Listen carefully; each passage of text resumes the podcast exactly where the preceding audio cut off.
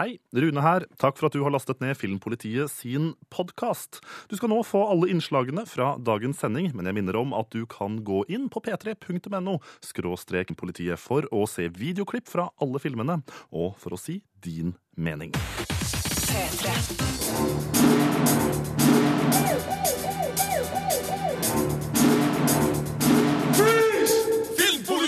What's your name, scumbag? Eh, eh, Rune Håkonsen, sir. I am Gunnery Sergeant Hartman, your senior drill instructor. From now on, you will speak only when spoken to.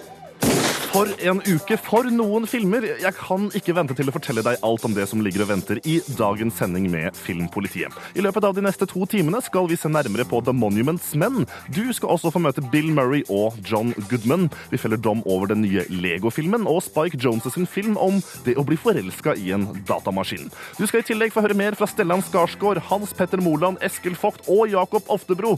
Alle har deltatt på filmfestivalen i Berlin. Birger Vestmo har vært vår utsendte reporter i den tyske hovedstaden. Jo, jo, forresten, har du sjekka Netflix i dag?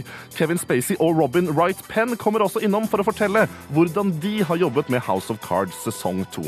Og om bare et kvarter kommer Tommy Wirkola på besøk her i studio til Filmpolitiet. Akkurat nå skal Birger Vestmo felle sin dom over Død snø 2. Filmpolitiet anmelder film.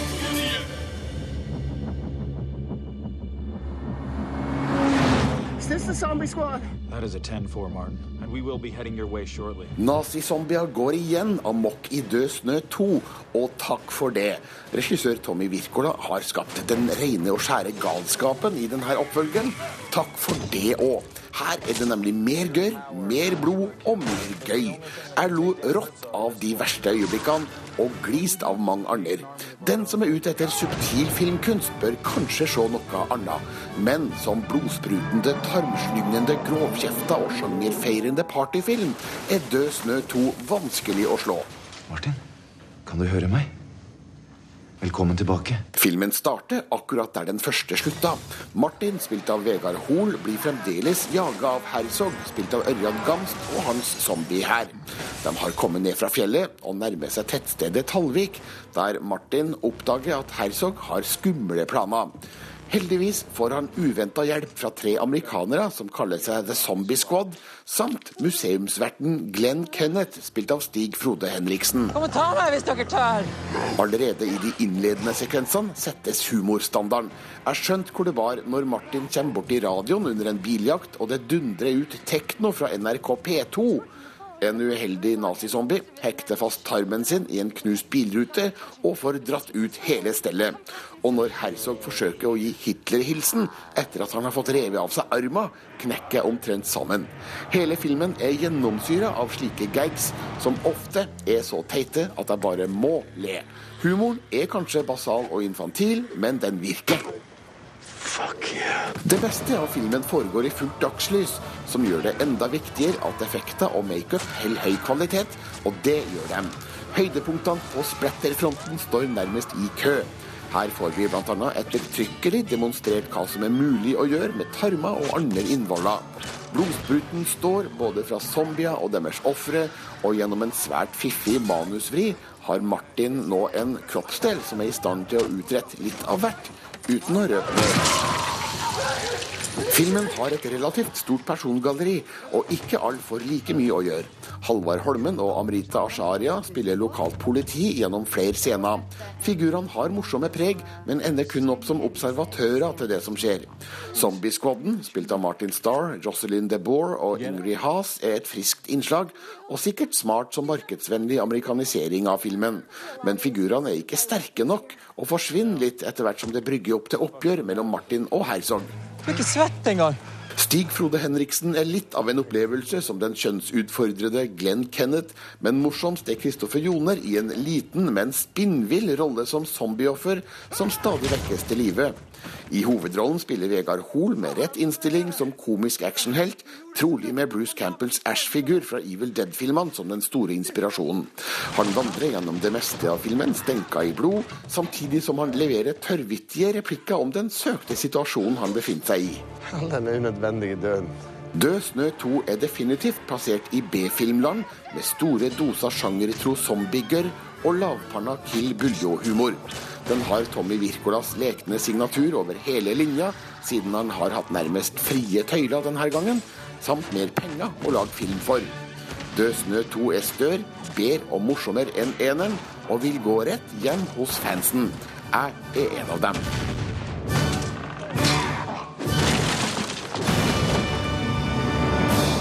Terningkast fem. Du kan lese mer om filmen og se klipp fra den på p3.no filmpolitiet. Straks kommer Tommy Wirkola på besøk. I 2009 så kom den første Død snø-filmen. Denne uka så var det klart for premiere på oppfølgeren. Velkommen til Filmpolitiet, Tommy Wirkola. Ja, tusen takk. Du, Hvordan vil du beskrive de, de siste årene i livet ditt? Det har skjedd ganske mye siden den første filmen kom. Ja ehm, Nei, hektisk, eh, men eh, veldig, veldig morsomme år. Det er helt klart. Hva var egentlig den sto store forskjellen hvis du skal beskrive det med å jobbe på settet til den første filmen og nå da med, med oppfølgeren? Hva er den store endringen som har skjedd? Nei, det er klart, det, det er jo mange endringer. Den første filmen det var jo ganske lavt budsjett for den type film. og, og og vi filma her oppe i Finnmark, og det var stort sett venner og kompiser og et lite crew. Og vi bodde på en gammel eh, nedlagt leirskole i, i, i en plass som heter Øksibotn, eh, uten internett og telefondekning omtrent. Um, og det var en veldig liten, men tett knytta gjeng som lagde den filmen under veldig harde omgivelser, eller vilkår, da. Um, men det ble jo et resultat som mange likte, heldigvis, og som ga, oss muligheten, ga meg muligheten til å lage filmer i, i Hollywood. Så når vi da for og, og lagde oppfølger til Dødsnø, så skjedde det jo på Island da, pga. at de har insentivordning da. Og uh, vi gjorde det med et mye større budsjett og et, et, mye større crew, og denne gangen et crew som hadde jobba på mange Hollywood-filmer fra før av, ettersom at uh, det, det, skjer mange innspillinger på Island. og, og og, men det, altså, rett og slett alt var mye større, alt var mer proff, og vi var mer proff, og jeg var mer erfaren, og, og sammen var liksom, alle i crewet. Så, um, og vi hadde større ambisjoner denne gangen også, kan man, kan man vel si. Mm. Birger Vestmo sa jo i sin anmeldelse at det, det, virker nesten som dere har hatt litt frie tøyler. Hvordan jobba dere for å på en måte ha den samme, samme lekenheten denne gangen? Ja, vi hadde jo det, og så langt i, på, mine, på mine norske filmer så har det bestandig vært ganske man, man, må holde tilbake mye, og man må bestandig inngå kompromisser fordi at man aldri har penger eller tid nok. Og, og på Død snø 1 så var det de siste 20 minuttene jeg var mest fornøyd med, med filmen. Da, når det tar av, og den er fullt av action og blod og gørr og masse humor blanda i lag. Og, så det sa vi allerede da. Hvis vi noen gang lager en oppfølger, så, så, vil vi fortsette den stilen gjennom hele filmen. Og, og det klarte vi denne gangen når vi hadde, vi hadde litt mer penger, og, og vi visste veldig klart hva vi ville når vi skrev manuset. Hvor har du egentlig henta inspirasjon til oppfølgeren? Jeg hørte jo også Birger Vestmo nevne Ash fra Evil Dead-filmene. Er det en relevant uh, referanse å ta? Ja, det er jo det. Nei, og, dem, og Stig Frode og Vegard som skrev manus med meg, vi, vi, vi, er jo veldig fan av de filmene. Men for meg personlig, når, når, jeg var yngre, og jeg husker første gang jeg så Evil Dead-filmene, eller Brain Dead av Peter Jackson, så var det en sånn åpenbaring for meg omtrent, der man så man kunne blande den Eh, mengden med blod og gørr, men uh, blande det med så mye humor som de gjorde, og man faktisk flirte av de her tingene, ikke syntes det var ekkelt eller disgusting. Eller man syntes kanskje det var disgusting, men man, det var aldri skummelt, da. Uh, så, og det, og, så, det, var det vi prøvde å gjøre. Vi er veldig inspirert av både Sam Ramy og Peter Jackson og, og Brain Dead og Evil Dead. da. Denne filmen er jo også kanskje produsert med et litt amerikansk publikum i, i, i bakhodet, for du viste filmen under Sundance-festivalen for et par uker tilbake. Hvordan reagerte det amerikanske filmpublikummet på en film som det her? Det var ekstremt god respons. Altså det, vi, jo, vi, var jo med på det såkalte Midnight in the Park-program, der, der, man viser sånne type filmer som, som, skal skape en feststemning i byen. rett og slett. Etter at publikum har sett seriøse filmer hele dagen, så skal de slappe av og ha det artig på kvelden. Og I tillegg så er det jo veldig mange sjangerelskere og, og fans som kommer på de visningene, så det var ekstremt gode tilbakemeldinger der. Og, eh, og det fortsatte jo på premieren her i Norge nu, nylig. og det, det, det er en film som, som, burde ses med et publikum og i en kinosal, og der man blir smitta av atmosfæren. og det er, en sånn, det er en sånn type film man burde se i lag med andre. rett og slett. Takk til Tommy Wirkola. Du skal fortsatt være med oss her i Filmpolitiet litt videre, for vi jeg vil høre litt mer om hvordan selve innspillingen av Død snø, Død snø 2 gikk til. Aller først Kaizers Orchestra. Dette er De Grind i Filmpolitiet på NRK P3. P3. Med meg i studio akkurat nå, Tommy Wirkola, regissøren bak Død snø 2. Eh, Tommy, eh, den har jo da filmen nå hadde premiere i Norge på onsdag, og du har eh, fått vist eh, filmen til en del norske publikummere. Hvordan har den norske responsen vært så langt? Um, veldig bra. altså. Den, som sagt, den, den, Vi har jo vært heldige med at selvfølgelig på premierene det er fulle saler og feststemte folk, så, så, folk er veldig med. og, og nei, Det har vært veldig, veldig fint. Vi visste den til venner fra Marte går, og er enda, enda ikke arveløs. Jeg tar det som et godt tegn. du, det har, skjedd, altså det har skjedd veldig mye uh, som har skjedd forskjellig fra innspillingen av Død snø 1 til Død snø 2. Du nevnte dere reiste til Island for å spille inn uh, nummer to. Hvorfor, hvorfor Island? Nei, det er rett og slett uh, et økonomisk spørsmål. Vi, vi hadde ikke sjanse å matche prisene vi fikk fra Island, med tanke på at de har en såkalt insentivordning, der vi får 25% tilbake av alt vi bruker. Så når vi så på tallene, så, så det var ikke i nærheten engang å kunne sammenligne. Så hvis vi, vi hadde ikke råd, vi hadde ikke kunnet lage den i Norge, dessverre. Så vi måtte stikke til Island, og der var de veldig hjelpsomme. Og, og vi, vi faka Island for Nord-Norge, rett og slett.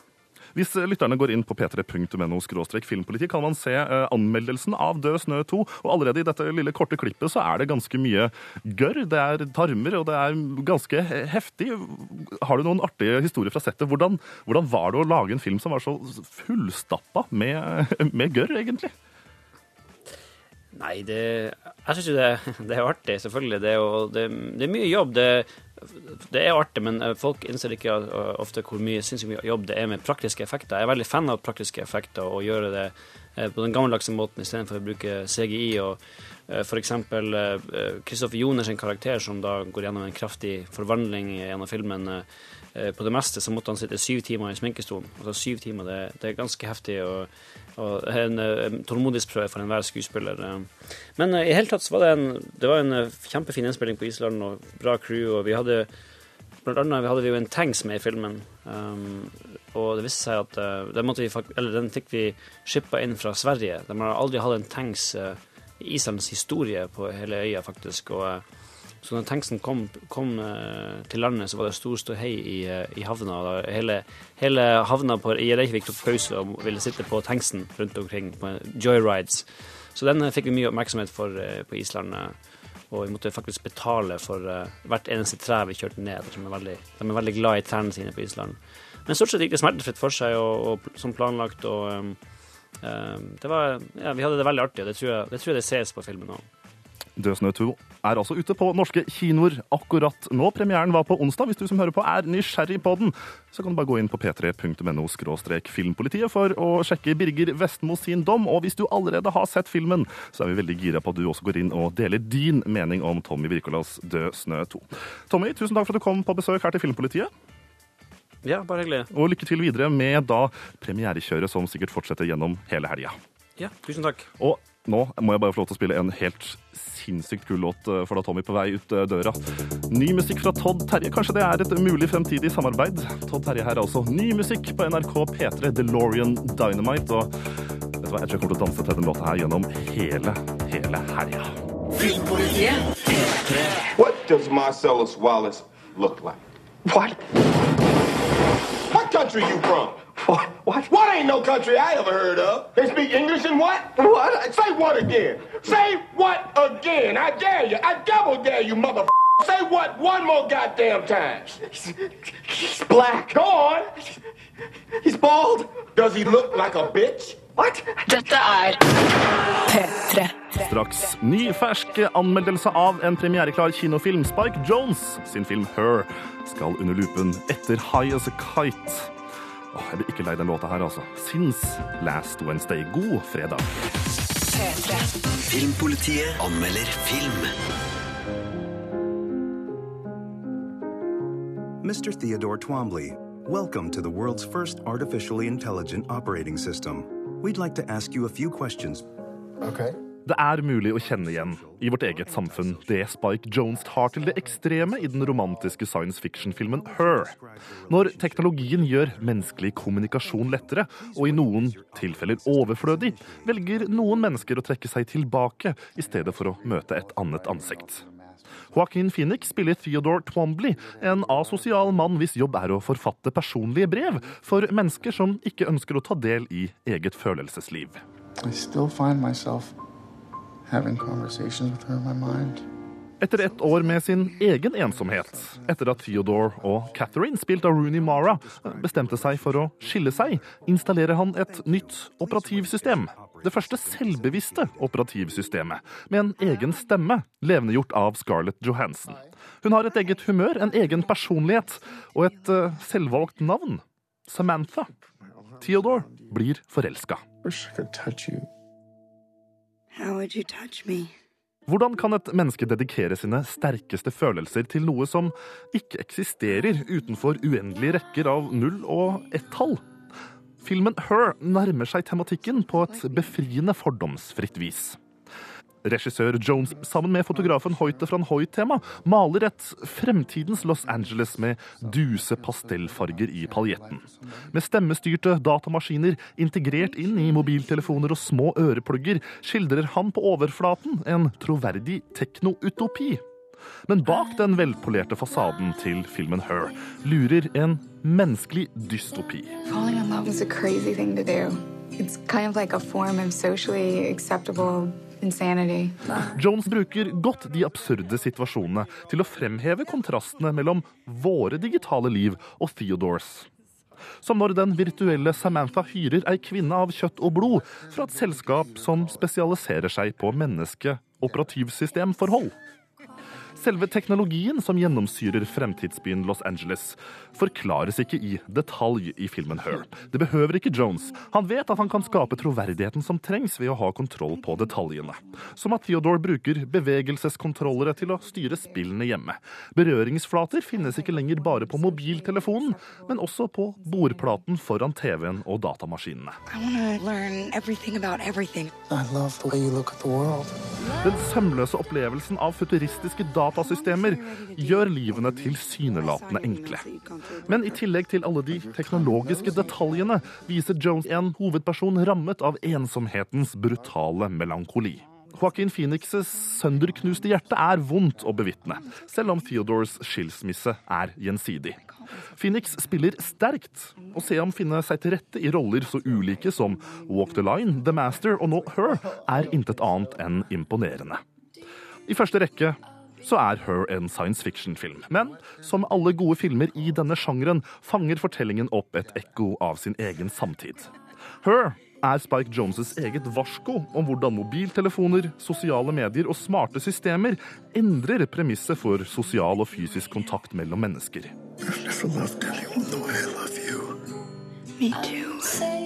We know how.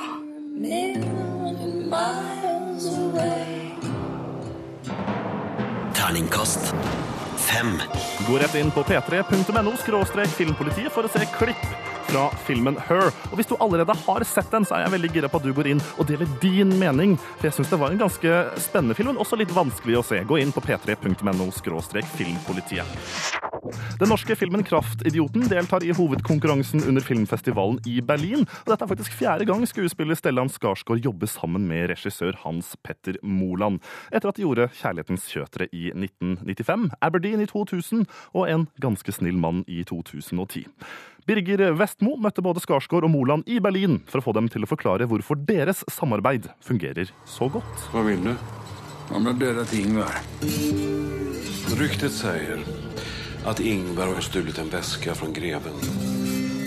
Greven? Jag tänker döda honom. Glöm det, Nils. 20 år med Hans Petter Moland. Hvorfor kommer du tilbake til Moland gang etter gang? Ja, för att han är en jävla bra regissør for det første, Men, men eh, sen har vi også blitt vänner gjennom årene. Så att, eh, det, det er veldig kul å få leka med sine vänner. Det er helt klart. Men da du fikk dette manuset, så har du sagt her i Berlin at du ikke forsto helt uh, filmen. Hvorfor ikke? Jeg, jeg forsto ikke riktig hva det var for sorts film. Altså, jeg, jeg så ikke filmen for meg. Uh, det, det, til og med eh, en ganske snill mann så en film. Uh, og jeg visste hvert vi skulle. Men her visste jeg ingenting. Og Hans Petter lyckades inte riktigt förklara det. Han, det var liksom, han sa att det var en blandning av olika stilar och så vidare. Och ta ut svängarna och alt det. Men det kan man ju säga. Men göra det är en annan sak. Eh, så att det var ju bara att lita på honom. Och det gjorde jag ju rätt i. Han fick ihop det. Jag måste i alla fall försöka. Du er jo en uh, suksess, Nils. Vellykka, fullintegrert innvandrer.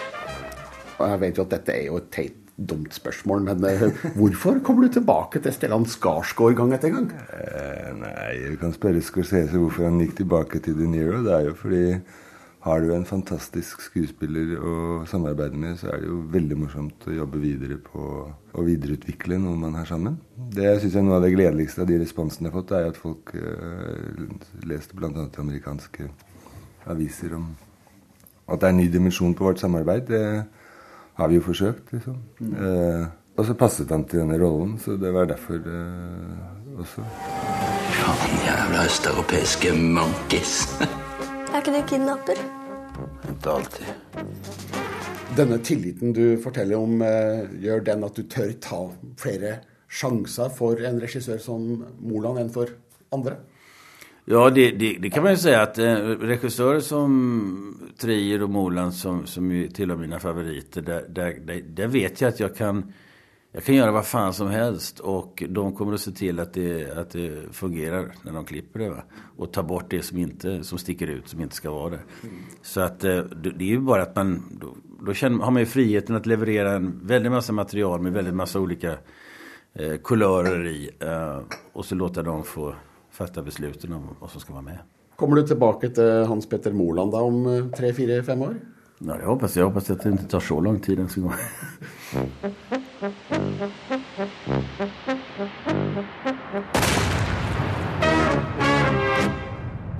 Det sa Stellan Skarsgård, som altså håper å kunne spille inn mer film med den norske regissøren Hans Petter Moland. Nå konkurrerer deres siste samarbeid Kraftidioten om Gullbjørn i Berlin. Neste fredag har den ordinær norgespremiere. Reporter det var Birger Vestmo. Vi skal ikke gi helt slipp på filmfestivalen i Berlin, for det er også andre norske filmer som har blitt vist under Berlinalen. Eskil Vogt skal du straks få møte her i Filmpolitiet. Først vi skal tilbake til Berlin, filmfestivalen som er en av de viktigste i Europa.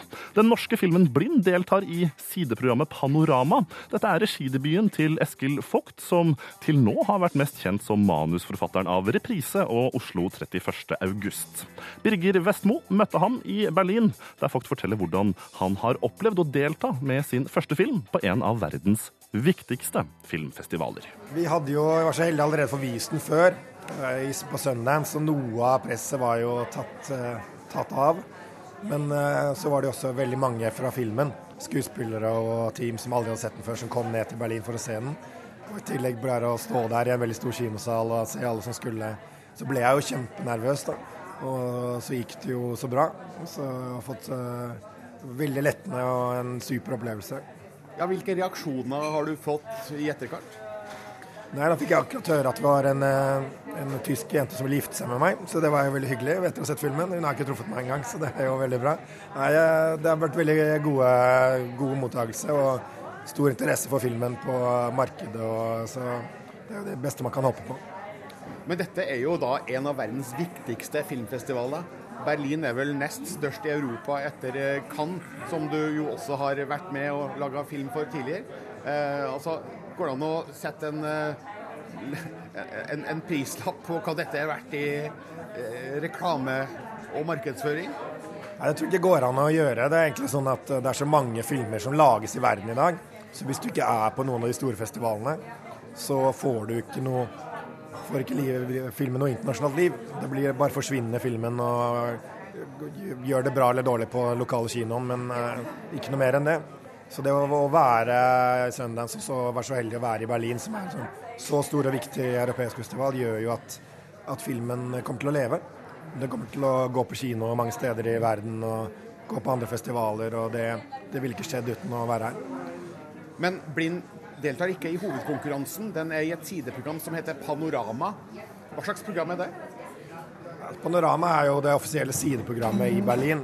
Hvor de eh, har litt eh, De har jo veldig mange verdenspremierer der òg. Og foretrekker nok egentlig det, men de tar noen filmer som har premiere i Europa. Eh, og vi kunne jo ikke være i hovedkonkurransen fordi vi hadde vært i Sundance. Så, for oss å være i Panorama var helt supert. Og det er jo også en, en seleksjon som retter seg veldig mot at filmen skal selges og komme ut i verden. Så for oss er det en helt, perfekt eh, sted å være.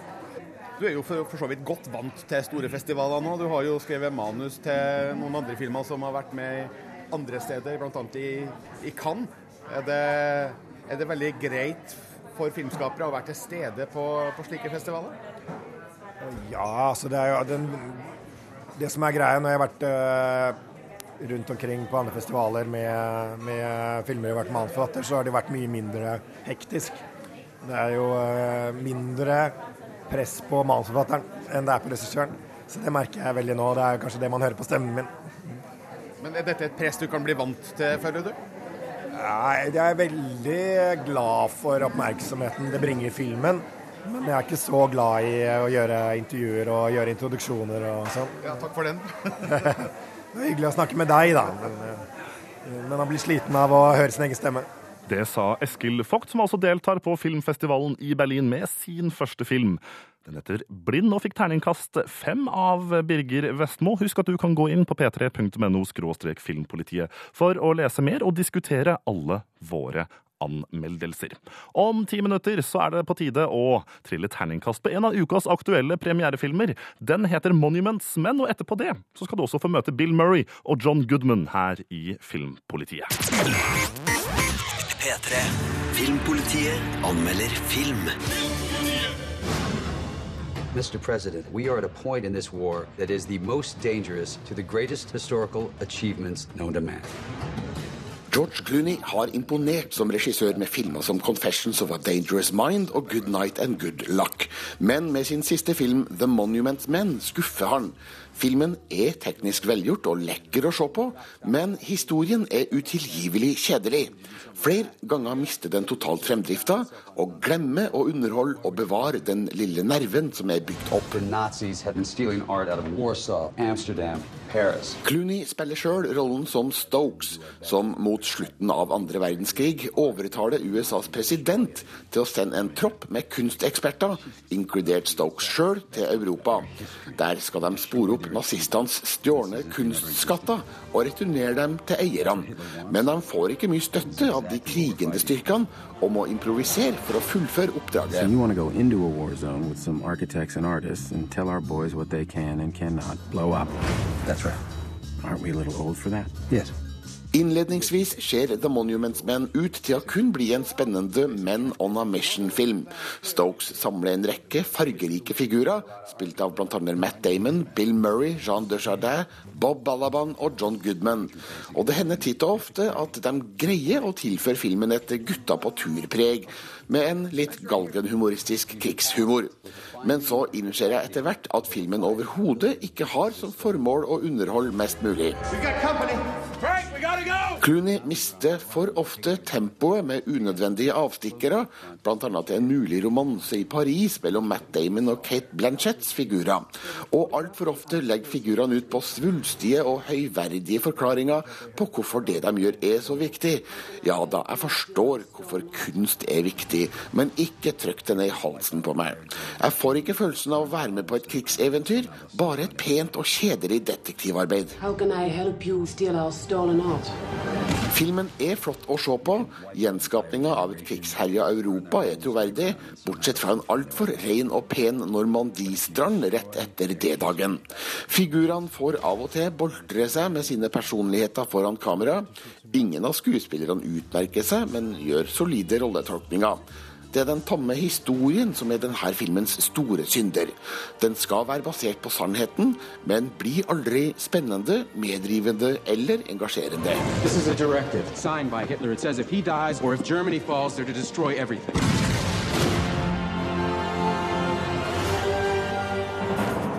Terningkast P3. Gå rett inn på p3.no skråstrek filmpolitiet for å se klipp fra filmen og for å si din mening. Der kan du også få med deg et intervju med Matt Damon, som ligger eksklusivt på våre nettsider her på lufta. På NRK P3 skal du straks få møte Bill Murray og John Goodman. I stad hørte du også Birger Vestmos dom over filmen The Monuments Men, som begynner på norske kinoer i dag. Den George Clooney-regisserte filmen har et stort rollegalleri med mange kjente skuespillere, blant annet Bill Murray og John Goodman. Filmbonanzas reporter Mona B. Riise spurte hvorfor de ble fascinert av krigshistorien i filmen. Well, they risked their lives uh, to their amazement. They, they thought they'd be able, I think, to, to avoid that the jeopardy. But when you go to a war zone, the war is all around you, and it, it can grab you. And it grabbed a couple of them. I think the, the biggest thing they risked was failure. You know, this is a very unique and different story, but there's so many stories about the Second World War and Nazis on movies. And why is the Nazis still such a great backdrop? People are still trying to, to, to wrestle with the question of how did this happen? How did we allow this to happen? Do you have a favorite Nazi character in movies? I like that fellow that was in uh, Unglorious Bastards. Oh, yeah. Uh, he was wonderful. Chris, Christopher Waits. Christopher, that was a just a wonderful portrayal, and he just played that so beautifully. And he was so scary. He was really wonderful. But I mean, the, the most horrible ones are the real ones.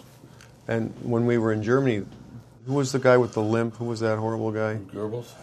He um, he had he had all his family commit suicide together at the end. Hitler was uh, obviously number one creep, but this guy who would have his children all die with him, uh, that's a kind of a eyeball roller. I can't I can't get I can never understand. But a lot of this movie is purposefully lighthearted, and I think it's exactly that. Once we start talking about the subject seriously, which it is obviously, it doesn't exactly sound like something you want to run out and see, and, and I think it is. And it's a jo- it's a it's a joyous thing. There's a lot of joy in this film when they recover the, these pieces. It's it's joyous. It's it's sort of a miracle. It's very it has these miraculous moments when you, uh, against all odds, recover these treasures. It's, it's beautiful to see. Der hørte du også Bill Murray. Intervjuet av Filmbonanzas reporter Mona B. Riise. Bill Murray og John Goodman spiller begge i The Monuments Men, og hvis du går inn på p3.no filmpolitiet, kan du se et netteksklusivt intervju med Matt Damon, som også har en rolle i den George Clooney-regisserte filmen. Her på NRK P3 skal vi straks tilbake til Berlin. Jakob Oftebro, nemlig en av de som har vært shooting star, eller en skuespiller som da har fått ekstra oppmerksomhet under den internasjonale storfestivalen.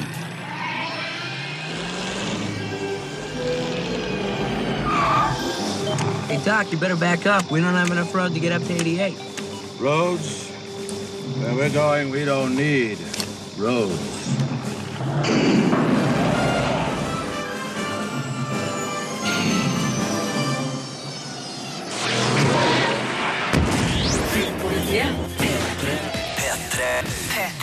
Skuespiller Jakob Oftebro, kjent fra Kon-Tiki, Victoria og Broen, er en av flere shooting stars under årets filmfestival i Berlin. Dette er et opplegg der flere av Europas mest lovende unge skuespillere får presentert seg for internasjonal presse og knyttet nye kontakter med hverandre og med viktige castingagenter. Birger Vestmo møtte Jakob Oftebro på fasjonable Hotel Rome i Berlin for å finne ut mer om shooting stars. Eh, hovedtreatmentet er vel at man kommer ned her og får lov til å møte alle disse andre eh, utrolig talentfulle unge skuespillerne. Eh, bare det i seg selv er jo en kjempeære. Spesielt når man ser hvor flinke de er og hva de faktisk har gjort, og skjønner man hvor sterk og tøff konkurranse det har vært. Og så er jo selvfølgelig Jeg vil si det største er at vi får lov til å møte produsenter, regissører og nesten alle de store casterne i Europa og USA kommer hit og møtes, og hvor vi snakker med dem personlig. Det er klart at det utgangspunktet når du vet hvor utrolig dyktige de er og hvilken bakgrunn de har, så er jo det utrolig privilegert og veldig veldig spesielt. Og ja, bare veldig gøy å få lov til å være en del av. Det er noe limo og goodiebags på hotellrommet og sånt, eller? ja, det er, vi bor på et fint hotell, og det, det er gratis frokost og Eh, vi kjører rundt i noen sånne festivalbiler. De er veldig fine. De er også sponset av sponset av Audi, så vi kjører rundt i sånne sportsbiler. Det er, ja, det er farlig om man får lyst til å kjøpe sånn selv, men, eh, men eh, nei, det er ikke noe, er noe limo-service, altså. Men ja, jeg vil si at alt annet er her. Men er det her en sjanse for å få promotert deg sjøl som skuespiller for et bredere publikum? Det er jo klart at det er en sjanse, ja. Det jo, man vet jo aldri hva som kommer til å skje. Eh, Hovedsakelig er det, det er jo mest inspirerende på en måte å møte noen av de beste casterne i verden og møte noen av de beste skuespillerne i Europa akkurat nå. Um, få lov til å være her på Berlinalen, det er jo klart at det det er utrolig gøy. så må man bare se, se hva som skjer, og så ta en, ett prosjekt av gangen, liksom. Det er jo fortsatt utrolig vanskelig. Man må jo kaste og er ja. Vet du hvordan det er. Akkurat nå sitter vi i fasjonable hotell eh, du Rome. Ja, det er et sånt. Ja. Eh, der dere har blitt presentert som årets eh, Shooting Stars. Eh, hva skjer da videre bak eh, kulissene når vi journalister har gått? Ja, nå, etter dette så skal vi videre på masse eh, møter og middager. Og det er også noe med at Kraftidioten har premiere her nede, så jeg skal jo lansere den. Og gleder meg veldig til å møte Hans Petter og Pål Sverre og Anders, og det er veldig hyggelig at de også er her. Og, um, så det er veldig tett program. Vi har, vi har fri sånn cirka gjennomsnitt kanskje en halvtime hver dag. Det er veldig ganske tight, altså. Men når du står her sammen med de andre Shooting Stars fra diverse land, ser du på, på dem som kolleger, eller er de litt konkurrenter? Nei, Det er en ut utrolig hyggelig gjeng her i år, og jeg føler virkelig at vi har en, en kjempegod kjemi. og vi er, Det er egentlig det første vi ble enige om, at vi eh, burde egentlig bare lage en film eh, sammen. Så eh, jeg er veldig stolt og, beæret å få lov til å være her sammen med de. og De er veldig morsomme og fine hele gjengen, så og jeg er veldig glad for det. Det var jeg faktisk ganske nervøs for før jeg dro ned. At jeg tenkte sånn dette det er kjedelig hvis vi skal drive sånn og ha spisse albuer og, og, og ikke, ikke være sjenerøse mot hverandre. Så det, det er veldig hyggelig. Det sa Jakob Oftebro, som altså er med på Shooting Stars under årets Berlinale. Neste fredag kan du se ham på norske kinoer i Hans Petter Molands Kraftidioten, der han har en liten rolle. Det var Birger Vestmo som rapporterte fra den tyske hovedstaden. Her på NRK P3 i Filmpolitiet skal vi straks anmelde ukas fjerde og siste premierefilm. Og vet du hva? Jeg gleder meg ganske mye, for det er nemlig Lego-filmen. Mer om det om ca. syv minutter her i Filmpolitiet. Nå i Kona Pop All Night. Filmpolitiet anmelder film. Mine medbyggmestere, inkludert, men ikke begrenset til Supermann, Mirakelkvinnen, Havfruen, Grønn Ninja, 80-tallsastronauten Space Guy, Michelangelo, Michelangelo og 2002s NBA All-Stars har fått vite at lord Business planlegger å gjøre ende på den verden vi kjenner. Men det fins et håp. The Special har oppstått. Jeg tror jeg skjønte det, men for sikkerhets skyld, si alt sammen en gang til, for jeg hørte ikke etter. Å lage en film basert på eksisterende leketøy har vært mote de siste åra. Stort sett med begredelige, personlighetsløse og med en eksplosive resultat. Da er det bra at Lego tar affære og spiller på alle mine blokkfylte barndomsminner i den kommende Lego-filmen. Resultatet er en heltehistorie som kjennes velkjent, men som i motsetning til mange andre filmer basert på leker, ikke tar seg sjøl så alvorlig. Det er nettopp det som er styrken til denne herlige historien. Den våger å tulle med sine egne handlinger og sine egne fordommer. Du er den spesielle, og profetien sier at du er den viktigste personen i universet. Det er deg, ikke sant? Ja! Utgangspunktet for Lego-filmen er konvensjonell, bygd rundt de velkjente klossene. Emmet, verdens vanligste legokar, klarer på sitt eget klossete vis å falle midt oppi en verdensforandrende profeti. Den spesielle skal kunne bygge bruer mellom de skarpt definerte legoverdenene, styrt med hard plasthånd av den svært firkanta lord business. Det er et dårlig ordspill. Målet hans er å låse legofigurene i deres bruksanvisningsform med det sagnomsuste og fantasirike kraglevåpenet, for å fjerne rommet for kreativitet og leik. Et lite stikk til det moderne samfunns formelbaserte hverdag. En altfor dyr kaffe. 200 kroner, takk. På samme måte som i alt fra Star Wars, The Matrix og en rekke andre monomytehistorier, møter helten på formelspesifikke motganger og medganger før den endelige konfrontasjonen. Historien er gjenkjennelig og enkel å følge med på, men det er innimellom standardhendelsene at magien skjer. Space Guy, en av verdensromsfigurene fra 80-tallet, har den knekte nederste hakebeskytteren som de hjelmene nesten alltid hadde. Da jeg satt i salen, følte jeg at Space Guy var meg. Hobbykonstruktøren som alltid vil lage romskip når en boks med Lego er nærheten. Andre brikkebyggere vil nok òg finne representanter for sine stiler og finesser. Vi får nemlig en rekke innhopp fra Legos mange ulike merkevarer. Jeg er ikke den spesielle. Jeg er bare en helt vanlig fyr. Du har evnen til å være den spesielle. Jeg tror på deg. Filmens budskap er at du sjøl må ta valg om å være spesiell. En forandrende kraft i omverdenen din. Men satt i konteksten til et leketøy bygd rundt en samla kreativ opplevelse, så får det akkurat det ekstra lille kicket det trenger. Godt figurdesign gjør til at sjøl legofigurer sine ganske begrensa muligheter for rørsle blir dynamiske. De blir kombinert med et velkontrollert kamera og ingen besparelser på miljøskildringer. Absolutt alt er modellert av legoklosser, noe som faktisk er mer enn det de populære legospillene har gjort. Roboter, knus ham! Legofilmen føles verken som et påskudd for å selge meg Lego, slik mange filmer for barn basert på leketøy gjerne er, eller som et tilfeldig manus påklistra et nostalgisk merkenavn, slik mange filmer for eldre barn basert på leketøy gjerne er. Det er en historie som med lun, smart humor, men òg de gode visuelle morsomhetene som en barnefilm trenger, bevarer en kreativ kultur i beste evne.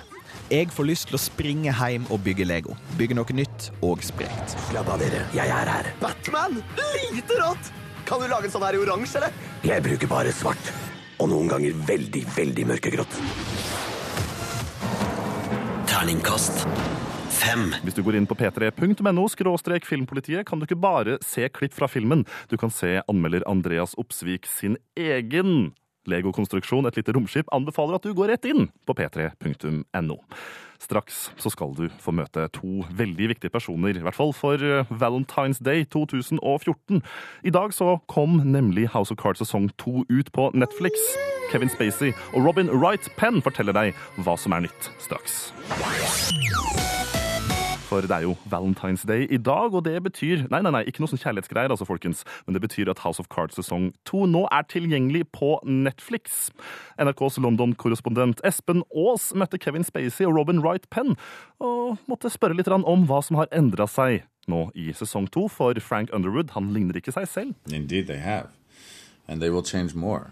It's been the great fun of it is the, um, is the arc of the story, um, the the complexity of it, and and for us, it it's never really felt like I'm doing an episodic um, show. It feels like we're making a really long movie. Thirteen-hour film. Yeah, so everything is connected. It's it's been quite exciting to work on. And your relationship was quite businesslike and apart in series one. Uh, in series two, how are things? You know, I think that the great thing about being able to know that we're going on and we're going to have an opportunity to continue to explore um, is how much we begin to reveal about these relationships that you don't know yet that in many ways we don't, We know don't, yet you know we're we're it's one of the really satisfying aspects of it is that there's so much about Frances I don't know yet. There's so much about Claire she doesn't know yet. And with Bo Williman, our showrunner and head writer, and the, and the team of writers, we're we're discovering and exploring and growing. And so I, I for us, it's it's uh, it's not like you you decide your character is in a little box and then you show up every day and play that little box. Um, we are we are trying to portray fully rounded human beings. And we get to be the architects with that template that we're given. We know kind of, we want to reach this by the end of the season. Mm. So we're going to go these four stages, and then we get to develop all the minutia every day. And that discovery influences something that we'll do four episodes down the line that we don't yet know. So it's it, we're building together.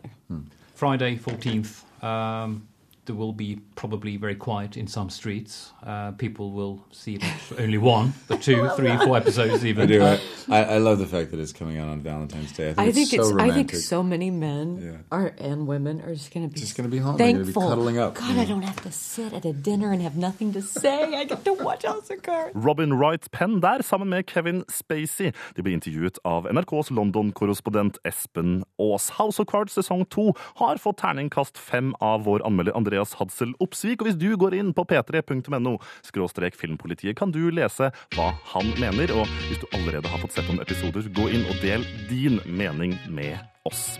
Klokka nærmer seg ett med stormskritt. Det betyr at Filmpolitiet straks legger inn årene. Jeg heter Rune Håkonsen og takker for følget i dag. Fram mot en nyhetsoppdatering her på NRK P3 så får du Truls Out of Yourself. God fredag. Hør flere podkaster på nrk.no podkast.